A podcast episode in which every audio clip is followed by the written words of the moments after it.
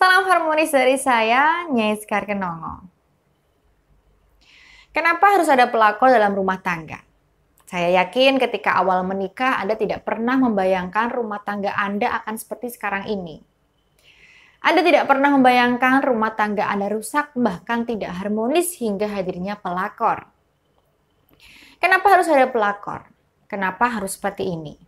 Pasti pasangan saya telah dipelet. Tidak mungkin tidak. Jika Anda saat ini tengah menghadapi pelakor, maka wajib bagi Anda untuk menonton video ini. Dan bagi Anda yang saat ini hendak menikah dan khawatir mengenai hal-hal setelah menikah termasuk pelakor, maka wajib juga menonton video ini sampai selesai ya. Baik, kita lanjutkan. Mengapa bisa ada pelakor sih? Sebenarnya itu bukan hanya karena pelet saja. Ada kok yang tidak menggunakan pelet namun bisa masuk di antara rumah tangga Anda dan juga suami Anda. Lalu mengapa bisa seperti itu?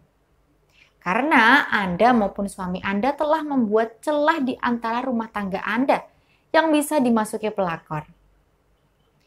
Kebanyakan hubungan rumah tangga yang rusak itu karena suami istri tidak merasa puas dengan pasangannya. Itu adalah awal mulanya. Tidak puasnya bisa jadi karena banyak hal, namun rata-rata karena sebelum menikah sudah menaruh harapan yang begitu tinggi pada pasangannya. Dan ternyata ketika sudah menikah harapan itu tidak didapatkan dan pada akhirnya kecewa. Kemudian setelah kecewa ternyata ada sosok yang bisa mengobati kekecewaan itu. Nah terjadilah yang namanya perselingkuhan.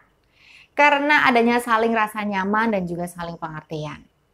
Jadi pelakor itu ada karena ada celah di antara Anda dan juga pasangan. Memang pelet bisa jadi salah satu faktor suami Anda jatuh cinta pada wanita lain. Namun itu bukanlah faktor utamanya. Tetapi lebih karena memang hubungan Anda dan pasangan Anda sudah ada celah di dalamnya, sehingga mudah dimasuki oleh pihak ketiga. Padahal dia juga wanita, mengapa bisa mengambil milik wanita lain?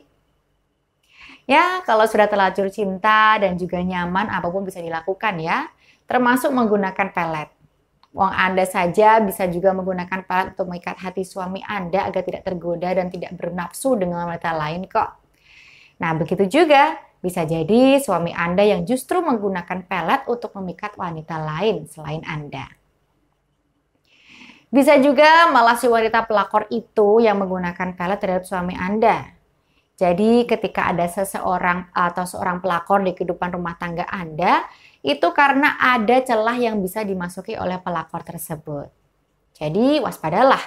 Siapa pun bisa menjadi sasaran dan bisa mengalaminya meskipun dia terlihat sangat harmonis dalam keluarganya tentunya.